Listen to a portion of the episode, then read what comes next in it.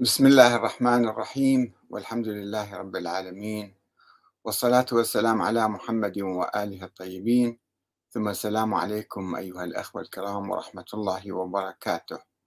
ما هو موقف السيد محمد الصدر؟ من نظرية التقية والانتظار السلبي للإمام الغائب في عصر الغيبة. هل كان يؤمن بولاية الفقيه؟ نواصل فيما يلي آه، تقديم نقدنا وتحليلنا وعرضنا لما يسمى بالموسوعة المهدوية التي ألفها السيد محمد محمد صادق الصدر والتي تتألف من خمسة أجزاء وكل جزء 500 600 700 صفحة. الآن نتوقف عند موضوع نظرية التقية والانتظار التي غلبت على الشيعة خلال ألف عام.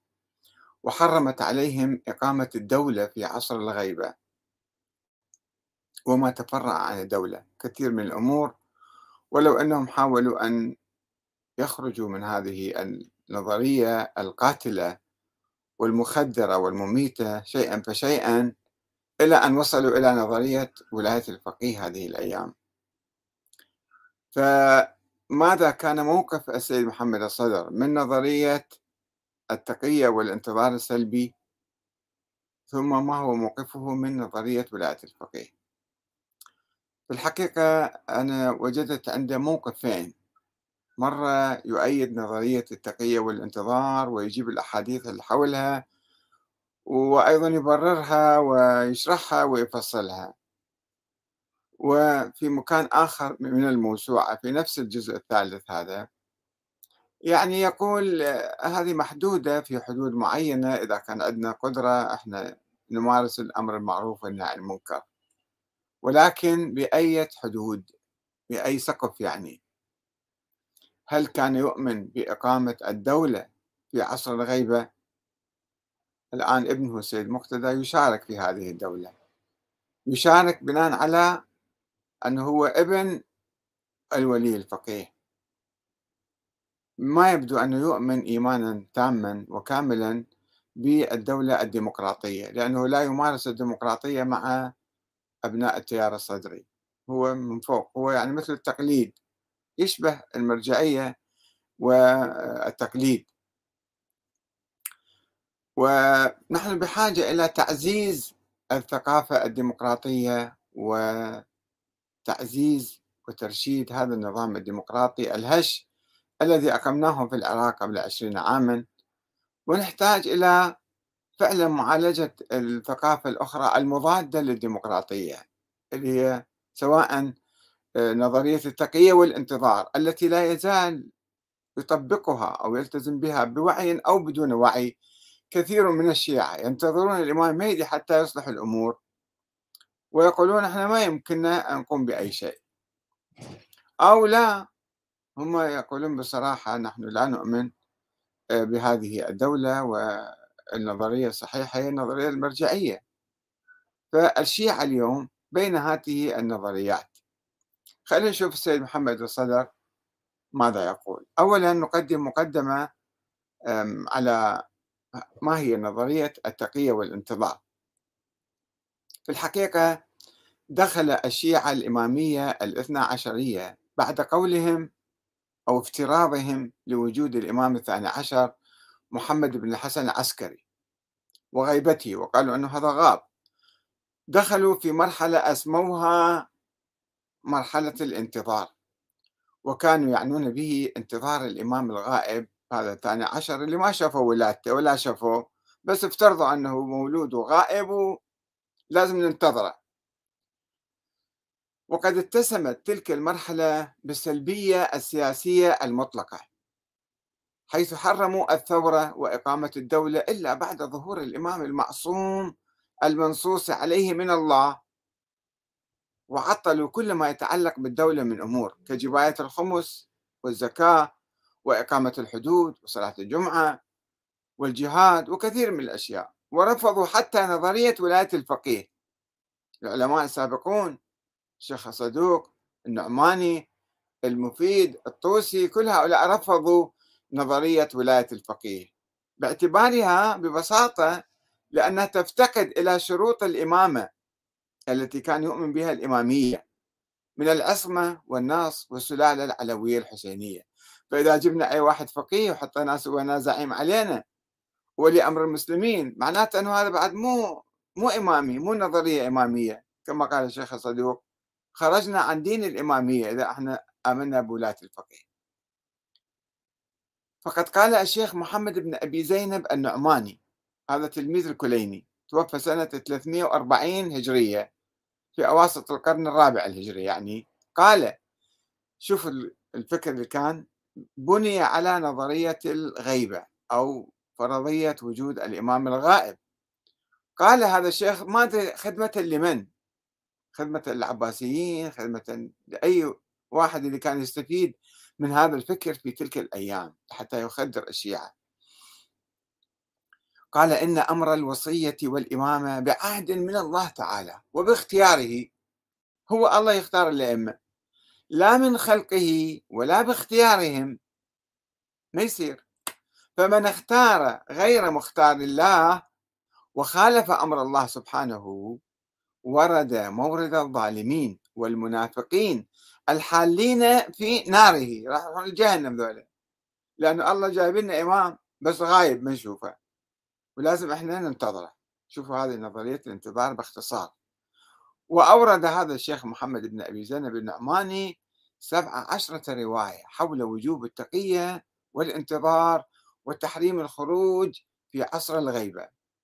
لاحظوا في كتابه الغيبة صفحة 57 و 201 وكان من تلك الروايات التي اعتمد عليها محمد بن أبي زينب النعماني في تنظيره لفكرة الانتظار هي ما رواه عن أبي جعفر الباقر عليه السلام أنه قال: الزم الأرض لا تحركن يدك ولا رجلك ابدا حتى ترى علامات أذكرها لك. وإياك وشذاذ آل محمد. كل يوم طالع لنا واحد علوي مسوي له ثورة لا تروح وراه فإن لآل محمد وعلي راية ولغيرهم رايات.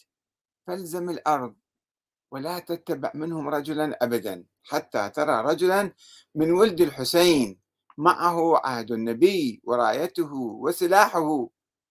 فالزم هؤلاء أبدا وإياك ومن ذكرت لك. دير بالك تروح مع الفاطميين أو مع مثلا ذول الإسماعيلية أو غيرهم. زيدية اللي يسوون ثورات الأيام. هذا حديث رواه رواه النعماني عن الإمام باكر. وحديث آخر بعد. أوصيك بتقوى الله وأن تلزم بيتك وتقعد في دهماء هؤلاء الناس وإياك والخوارج منا من أهل البيت يعني. فإنهم ليسوا على شيء ولا إلى شيء. انظروا إلى أهل بيت نبيكم. فإن لبدوا فالبدوا طيب وإذا ما شفنا أهل البيت شو نسوي؟ ما موجودين. وإن استصرخوكم فانصروهم تؤجروا ولا تستبقوهم فتصرعكم البلية تموتون. وكل راية ترفع قبل راية المهدي فصاحبها طاغوت يعبد من دون الله. كل بيعة قبل ظهور القائم فإنها بيعة كفر ونفاق وخديعة. يعني هاي انتخابات مثل البيعة. فالانتخابات هي يصير انتخابات كفر ونفاق وخديعة. والله لا يخرج أحد منا قبل خروج القائم إلا كان مثله كمثل فرخ فرخ طار من وكره فرخ صغير. قبل أن يستوي جناحاه فأخذه الصبيان فعبثوا به وقع من العش مالته. هذه الروايات يرويها هذا النعماني في كتاب الغيبة. ما في مخدر أكبر من هالروايات هذه الشيعة روح ناموا لما يطلع صاحب الزمان. وأيضا يجي الصدوق يروي سيد محمد الصدر يكمل القصة هذه يكمل الروايات هذه يقول في القسم السابع من الجزء الثالث الأمر بالتقية في عصر الغيبة الكبرى. هذا عنوان سيد محمد الصدر صفحة 350 يقول فقد أخرج الصدوق في إكمال الدين والشيخ الحر العاملي يعني في وسائل الشيعة والطبرسي في أعلام الورع اللي كلهم اخذوها من النعماني ومن الكليني. أخرجوا عن الإمام الرضا المرة مو الإمام باكر أو الصادق أنه قال لا دين لمن لا ورع له ولا إيمان لمن لا تقية له وإن أكرمكم عند الله أعملكم بالتقية. قيل يا ابن رسول الله إلى متى هاي تقية؟ قال إلى قيام القائم. فمن ترك التقية قبل خروج قائمنا فليس منا. هذا سيد محمد صدر يروي هاي الرواية ويقول إلى غيرها من الأخبار وهي من الكثرة إلى حد الاستفاضة بل التواتر أصلا في تواتر حول هذا لزوم التقية في عصر الغيبة. ويقول مدلولها الإسلامي الصحيح أمران ويجيب أدلة على أنه التقية لازم. ويقول أيضا في موضع آخر من كتابه يقول ودلت الغالبية العظمى من أخبار التنبؤ بالمستقبل على وجوب السلبية والإنعزال بحيث استغرقت كل أخبار العامة تقريبا وأغلب أخبار الخاصة ولم يكد يوجد من الروايات الآمرة بالمبادرة إلى الجهاد والأخذ بزمام الإصلاح إلا النزر القليل جدا. أخبار المتواترة ذيك تقول روح ناموا والسلبية والانعزال. وخلينا نشوف بعد هذا الشيخ الصدوق اللي يروي عنه سيد محمد الصدر ماذا يقول؟ ماذا يفسر التقية؟ وماذا يقول؟ ماذا تعني التقية؟ مو التقية بمعنى في معنى سابقا زمن الأئمة يقلبون كلام الأئمة. الأئمة ما يتكلمون يجي هذا الراوي يقول لا هذا الإمام مو مقصوده هكذا مقصوده بالعكس. لماذا يا أيها الراوي يقول؟ لأنه هو كلمني سرا إلي قال لي بالعكس. مثلا الإمام الصادق ينفي أن يكون إماما مفترض الطاعة من الله. يجي أبو بصير اللي هو يروي الرواية نفسها هذه يقول بس من طلعوا ذول اللي سألوه زيدية الإمام قال لي إلي لا إحنا أكثر من هذا إحنا عندنا كل شيء معينين من قبل الله تعالى. يعني يقلب كلام الإمام بالتقية يقول الإمام خاف. ما تكلم بصراحة. الإمام العسكري أعلن أمام الملأ في المحكمة وأمام الملأ كلهم أني ما عندي أولاد. قال لا هذه يسوي تقية. يقلبوا كلامه. أنه هو يسوي تقية وعنده ولد ضامة. شوف شلون هاي. يعني كل كل كلام الأئمة ما يمكن نمسك أي شيء من كلام الأئمة. لأن كل شيء يقلبوه يفسروه بالتقية هذا فد معنى كان موجود في حياة الأئمة بناء على بالنسبة لأقوالهم ومواقفهم وأيضا شيء آخر التقية في عصر الغيبة يعني اقعد ونام ولا تسوي أي عمل ثوري لا تسوي مقاومة لا حكومة لا حزب لا ثورة لا أي شيء. وهذه حالة كانت ممتدة كما سوف نرى إلى قبل خمسين سنة. وقال الشيخ الصدوق اللي توفي توفي سنة 381 بعد 41 سنة من النعماني. يقول التقية فريضة واجبة علينا في دولة الظالمين. هاي كل الدول ظالمة. حتى البويهيين هم دولة ظالمة هذه. يقول التقية فريضة واجبة علينا في دولة الظالمين. فمن تركها فقد خالف دين الإمامية وفارقه هذا بعد مو إمامي. إذا راح يسوي دولة وثورة ويتبع قائد آه، فقيه أو غير فقيه وهذا الفقيه مو معصوم ولا معين من الله يعني بعد هذا مو إمامي خرج عن دين الإمامية. كلام صريح جدا. والتقية يضيف الشيخ الصدوق محمد بن علي بن بابويه الصدوق يقول والتقية واجبة لا يجوز تركها إلى أن يخرج القائم فمن تركها فقد دخل في نهي الله عز وجل ونهي رسوله والأئمة عليهم السلام. هذا أئمة نهوا عن ذلك وهذا يخالف الأئمة بعد هذا صار مو شيعي. يعني الآن الشيعة كلهم مو شيعة لو يجي الشيخ الصدوق اليوم ويشوف الجمهورية الإسلامية في إيران ويشوف الجمهورية في العراق والمقاومة الإسلامية في لبنان والأحزاب هنا وهناك يقوم يلطم على رأسه يقول ذولا مو شيعة مو شيعة مو شيعة ويضيف الشيخ الصدوق يقول ويجب الاعتقاد أن حجة الله في أرضه وخليفته على عباده في زماننا هذا هو القائم المنتظر ابن الحسن اللي هو افترض وجوده. ماكو أي دليل على ولادته ولا على وجوده. ويجب أن يعتقد أنه لا يجوز أن يكون القائم غيره. القائم غير هذا ما يصير هو لازم يطلع. هو ما موجود شلون يطلع بعدين؟ صار 1200 سنة وما طلع. يقول الشيخ الصدوق بقي في غيبته ما بقي. ولو بقي عمر الدنيا لم يكن القائم غيره. هذا في كتاب الهداية صفحة 47 شوفوا شلون فكر مخدر. هذا الفكر المخدر الذي نتج عن افتراض وجود ولد للإمام العسكري غصبا عن خشمه الإمام الحسن. ومن هنا فقد رفض المتكلمون الإماميون مثل الشيخ الصدوق والنعماني وذولا الأوائل دعوة المعتزلة والشيعة الزيدية إلى تبني نظرية ولاية الفقيه. طرحوها على الشيخ الصدوق وعلى عبد الرحمن بن قبة. قالوا لهم زين أنتم امنتوا واحد إمام غايب بس تعالوا سووا لكم دولة حكومة. وكل مكان هناك ثورات ذيك الأيام الزيدية والإسماعيلية والقرامطه وغيرهم ليه يسوون حركات؟ فتعالوا أنتم سووا لكم دولة وحركة وثورة في ظل الغيبة الكبرى. استنادا رفضوا دول المتكلمين الإمامية اللي كان في خدمة العباسيين. الآن نفهم إحنا لماذا كانوا يصرون على هذه النظريات. حتى العباسيين يحكمون. استنادا إلى فقدان الفقيه للعصمه والتعيين من الله وتعارض نظرية ولاية الفقيه مع نظرية الإمام الالهيه 100% نظريتان متعارضتان ولاية الفقيه اليوم هي ثورة على نظرية الامامه طيب هذا شرحنا لكم ماذا تعني نظرية التقية. الان خلينا نشوف السيد محمد الصدر ما هو موقف السيد محمد الصدر من هذه النظرية. يقول بعد ما يشرح أيضا كما استعرضنا آه، روايته لبعض الروايات يقول إذن فالمفهوم الواعي الصحيح للتقية هو بعينه المفهوم الصحيح الذي استخلصناه من الأمر بالعزلة وكف اللسان حتى نسكت الذي استفاضت به أخبار المصادر العامة. وليس امرا زائدا ولا جديدا. يقول هو هذا إحنا أيضا نؤمن به.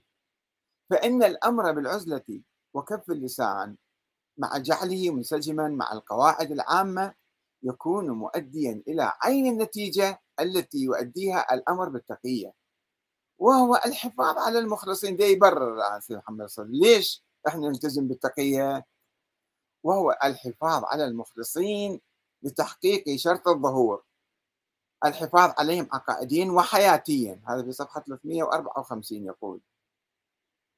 ويقول أيضا التقية لا تتحقق إلا بالقعود عن المجابهة وكف اللسان عن المنحرفين. شو خصنا بهم إحنا؟ نسكت عنهم. هذه صفحة 355 من الجزء الثالث الغيبة الكبرى تاريخ الغيبة الكبرى. طبعا هذا يشرح يعني كأنه جيل جيلين ثلاثة أربعة عشرة مئة جيل. الحفاظ على المخلصين وين الآن راحوا كل المخلصين ماتوا أيضا بعدين شنو شنو استفدنا؟ فليش ما ظهر الإمام بذلك الوقت؟ ليش ما آه، تخلينا عن التقية مثلا؟ هاي في هالمواقع والمقاطع هكذا يقول السيد محمد الصدري وهي النظرية الشيعية العامة اللي كانت مخيمة إلى الستينات إلى زمن السيد محسن حكيم والشيخ حسين الحلي والسيد الخوئي إحنا فقط نفتي مسائل شرعية ما علينا بال آه، بالثورة واقامه الدولة والجمهورية وحزب الدعوة ما خصنا فيهم ذولا.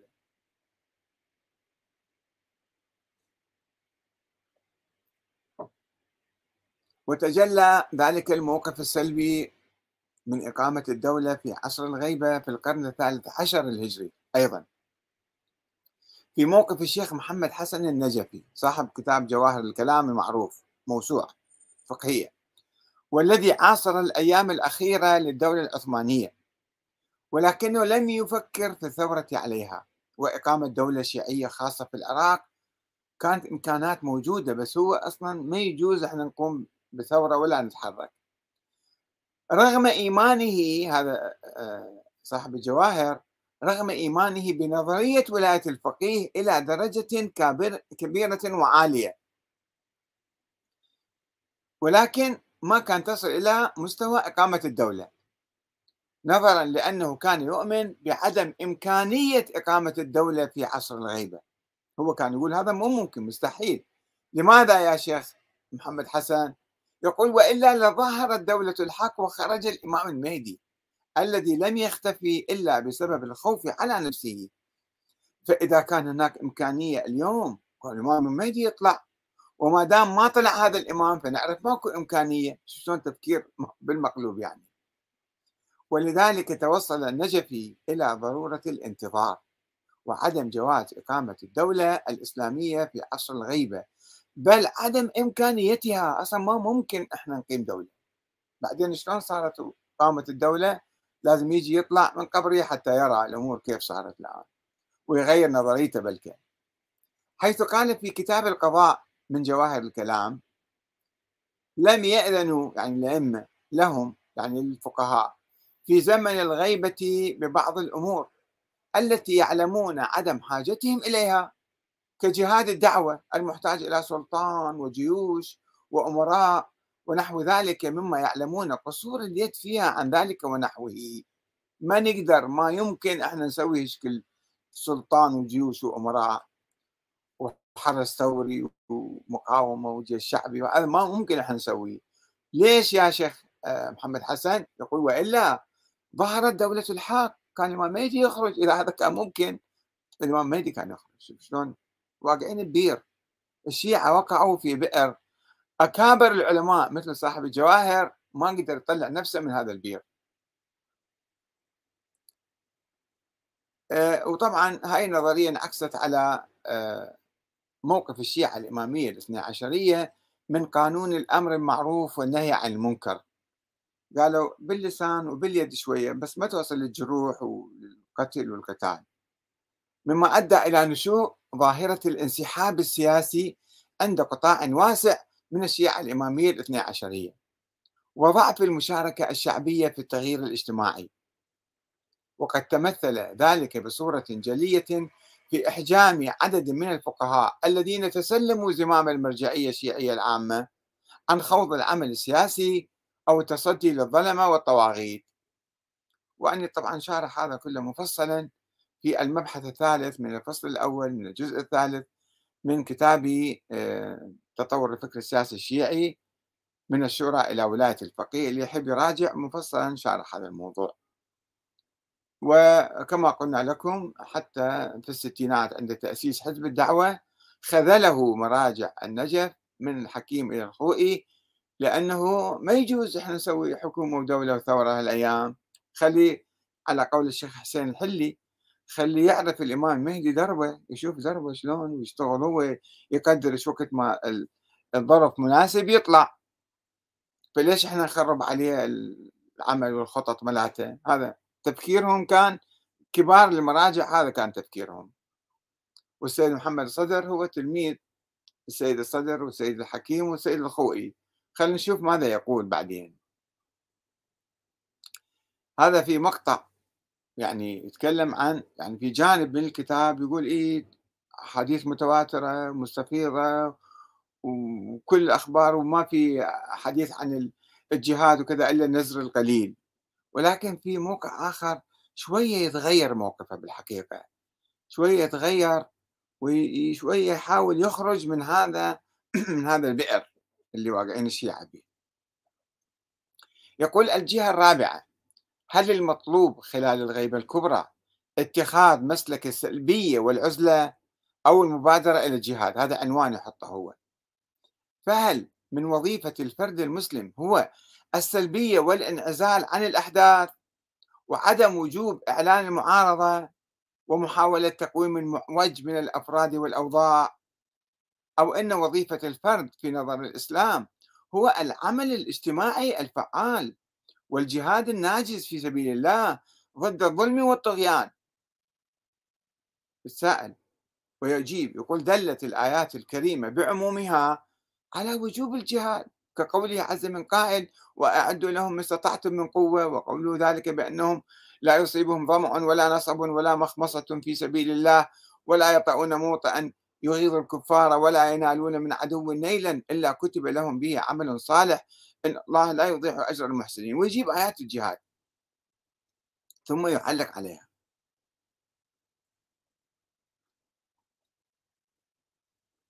يقول النقطة الثالثة في حث فكرة المهدي على العمل. يقول فكرة المهدي مو ما أنت سلبية وروح ننام بالبيت لازم نروح نعمل.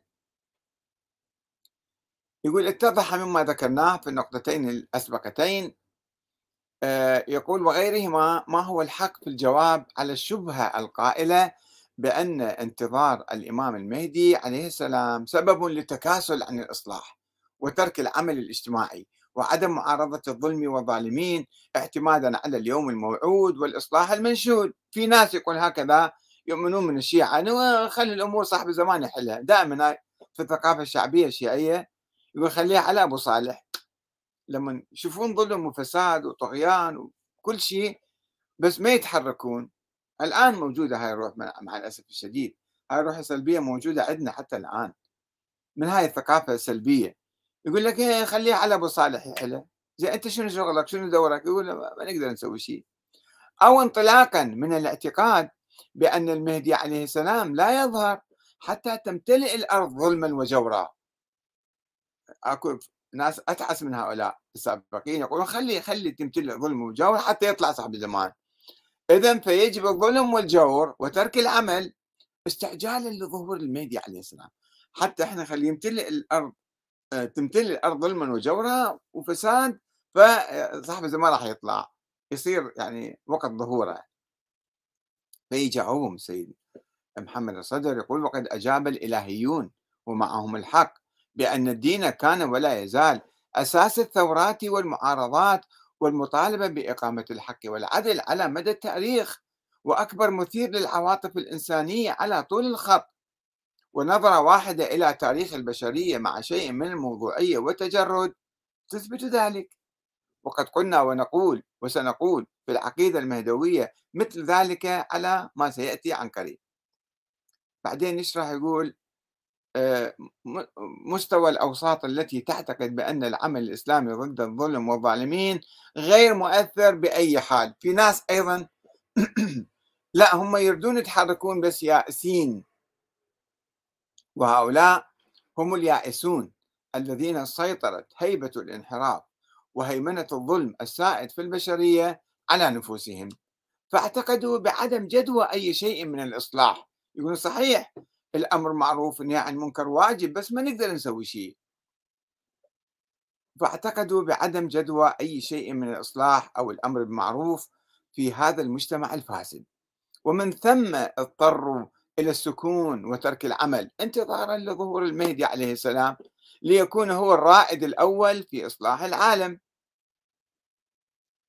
إن مشاركة الفرد والمجتمع في إيجاد شرائط الظهور لا يكون إلا بالعمل الجاد المنتج لرفع درجة الإخلاص والشعور بالمسؤولية ليكون في إمكان المخلصين المشاركة في مهام هداية العالم عند الظهور. يقول لازم نحن نتحضر. يقول أيضا ما عرفناه من أنه يجب على الفرد عفوا أن يجعل نفسه على مستوى رضاء الإمام المهدي قبل ظهوره وبعده. ولن يكون كذلك إلا إذا كان متمثلا للأحكام الإسلامية بدقة سواء ما كان منها على المستوى الشخصي يصلي ويصوم ويتعبد أو على المستوى الاجتماعي. ولن يحرز رضا الإمام بطبيعة الحال بالاقتصار على الجانب الشخصي من أحكام الإسلام. فقط أنا أصلي وأصوم وبعد ما علي بالمجتمع. لأن في ذلك عصيانا للأحكام الاجتماعية والإصلاحية. التي أمرنا الله بها وهو ما لا يرضاه الله تعالى ولا رسوله ولا المهدي. إذن فالاعتقاد بوجود القائد الرائد. باعث أي باعث على العمل الاجتماعي والإصلاحي. ولا يكون ولا يكاد يوجد هذا الباعث بدون هذا الاعتقاد إلا بشكل ضئيل. يقول إحنا وقت نعتقد هناك إمام راح يطلع فراح هذا يدفعنا للعمل. فكرة جيدة. إن الأحكام الإسلامية الموجودة في الكتاب والسنة كانت ولا زالت معروفة وسارية المفعول ولا زال الناس مسؤولين عن تطبيقها وامتثالها آه، لكل تفاصيلها. ومن الواضح أن الاعتقاد بوجود المهدي عليه السلام لا يرفعها ولا يخصصها لضرورة الدين وإجماع المسلمين. آه، هذا ما له علاقة بالانتظار. هسه الإمام المهدي راح يطلع بعدين بس إحنا واجبنا العمل بالدين. وليس على الفرد المسلم الذي يريد الإطاعة والامتثال إلا أن يراجع الأحكام الإسلامية ليعرف ما فيها من جوانب شخصية وجوانب عامة لكي يطبقها على حياته الخاصة والعامة ويباشر العمل الاجتماعي العام طبقا للتكليف الإسلامي بالجهاد أو الأمر بالمعروف أو النهي عن المنكر أو مكافحة الظلم وهذا لا ينافي بحال عمل الفرد على صعيد عام. كلام رائع جدا من السيد محمد الصدر. بعدين يدخل تفاصيل يعني يقول وأود أن أشير في هذا الصدد إلى ملاحظات ثلاث لعلها تلقي بعض الضوء على أهمية العمل الإسلامي في عصر ما قبل الظهور يعني الآن. إن ما يرفع درجة الإخلاص في الأمة ويوجد شرط الظهور هو العمل ضد الظلم فعلا. فمن السخف ما قيل بأن الاعتقاد بوجود المهدي باعث على الاستخذاء وترك العمل. هذا كلام سخيف جدا.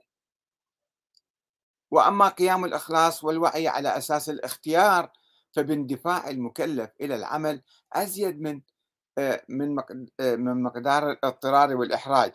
بمجرد شعوره بالمطلوبية الإسلامية له إلزاما أو استحبابا بأن يكون على الدوام معارضا للظلم داعيا إلى الحق هاديا إلى سبيل ربه بالحكمة والموعظة الحسنة.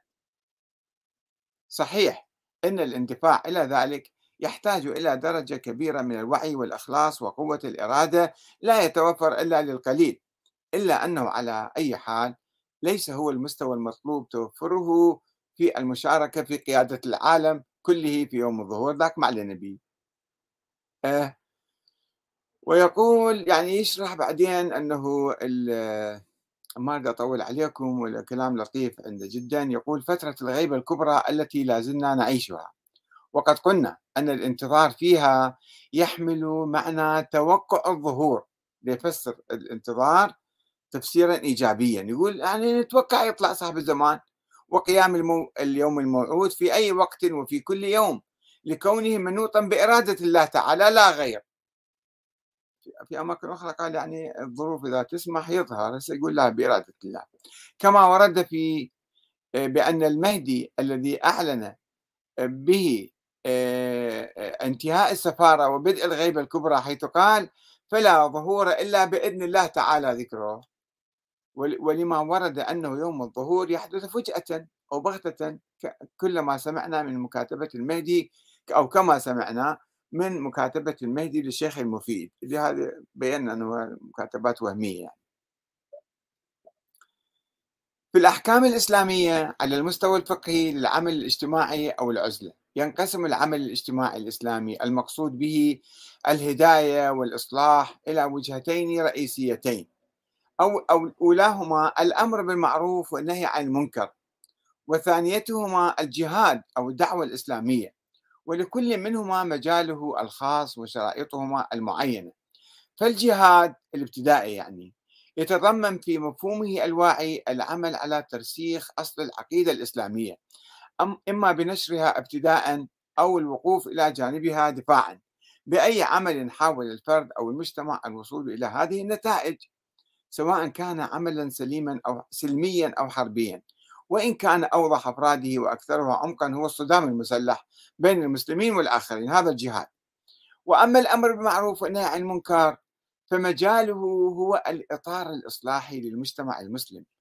قوله تعالى ولتكن منكم أمة يدعون إلى الخير ويأمرون بالمعروف وينهون عن المنكر. يقول فهذا خاص غير عام. ما أدري ليش. يقول هذه آية مو لكل الناس إلى بعض الناس يعني. ومر سابقا أيضا. المهم يقول إلا أن الجهاد على أهميته الكبرى في الإسلام مشروط بشرطين. الأول خاص بجهاد الدعوة المتعلق بنشر الإسلام في غير المسلمين وهو تعلق آه، أمر الولي المعصوم به كالنبي أو أحد المعصومين بعده ومنهم المهدي نفسه. بخلاف جهاد الدفاع فإنه غير مشروط بذلك بل يجب عند الحاجة على كل حال. ولا يفرق في هذا الحكم بين أن يكون الجهاد دمويا أو لم يكن بل كان من قبيل الجهاد التثقيفي الإسلامي. ويخلص إلى هذه النتيجة يقول إن الأمر بالمعروف والنهي عن المنكر غير منوط بوجود القيادة الكبرى. يعني الإمام المهدي ولا الإخلاص الممحص. أي إنسان عادي ما يقدر يقوم بهذا الواجب. بل هو مشروع بشكل يشمل الحالات الأخرى. ثم يقول بصراحة يقول إذا وجب العمل الإسلامي إذا إحنا قلنا العمل الإسلامي واجب إذا حرمت العزلة وكانت عصيانا وانحرافا إسلاميا خطيرا صارت العزلة والتقية والانتظار عصيان وانحراف إسلامي خطير. وتكتسب أهميتها المضادة للإسلام بمقدار أهمية العمل الإسلامي المتروك في كل وقت كان العمل ضروري وواحد يروح يقعد بالبيت ويعتزل فهذا يعني كلش يكون على خطأ كبير. ومن ثم كان ترك الجهاد عند وجوبه والفرار من الزحف من أكبر المحرمات في الإسلام. وأيضا يعلق بعد ما يورد بعض الأخبار حول التقية يقول هذه الأخبار مقيدة لا محالة بقيد موارد وجوب العمل. مع اجتماع شرائطه إذ مع وجوبه تكون التقية والعزلة وكف اللسان عصيانا وانحرافا. هاي في صفحة 356 بعد ما يشرح نظرية الأحاديث يقول متواترة ومشهورة ومستفيضة وكلها تأكد على العزلة والتقية. بعدين هو يقول لا إذا كان ممكن العمل ومورد وجوب العمل فيجب أن نعمل ما ننتظر. طيب. هنا عندنا سؤال إلى أي سقف راح يعمل السيد محمد محمد صادق الصدر؟ يعني الأمر معروف يعني المنكر مثلا آه، يصلي صلاة الجمعة هذا أمر معروف. النهي عن المنكر مثلا يحارب الظالمين الفاسدين الفاسقين السافرات كما لا تبيعوا لهم لا تشتروا من عندهم كذا كان عنده هكذا فتاوى. طيب هل يصل الأمر معروف والنهي عن المنكر إلى مستوى إقامة الدولة وإلى نظرية ولاية الفقيه أو الجمهورية الديمقراطية الآن مثلا أن نحقق العدل والأمر المعروف والنهي عن المنكر من خلال الدولة. الدولة المدنية هي تقوم بذلك ونحن نشارك بهذه الدولة. هذا بالحقيقة حتى الآن أنا ما شفت عنده موقف واضح من موضوع ولاية الفقيه وإقامة الدولة. صحيح هو في زمن صدام حسين وفي ظل سقف صدام حسين أعلن أنه هو ولي أمر المسلمين. باعتباره هو نائب الإمام المهدي وحسب الفقهاء الشيعة المعاصرين أو المتأخرين يعني الذين مالوا إلى نظرية ولاية الفقيه وجمعوا بينها وبين النيابة العامة للفقهاء. اللي المراجع عبر التاريخ عبر 500 سنة كانوا يعملون بهاي الفرضية أن هم نواب الإمام المهدي فبالتالي يستطيعون أن يقوموا ببعض الأعمال. كما شفنا محمد حسن النجفي صاحب الجواهر يعني هو كان يؤمن بولاية الفقيه ولكن تحت سقف الدولة. ما نوصل يعني إلى مستوى الدولة. فالسيد محمد الصدر ما هو موقفه؟ سنحاول تبين موقفه في الحلقات القادمة إن شاء الله. وشكرا لاستماعكم. ومشاركتكم أيضا وتفاعلكم بالأسئلة والمناقشات. والسلام عليكم ورحمة الله وبركاته.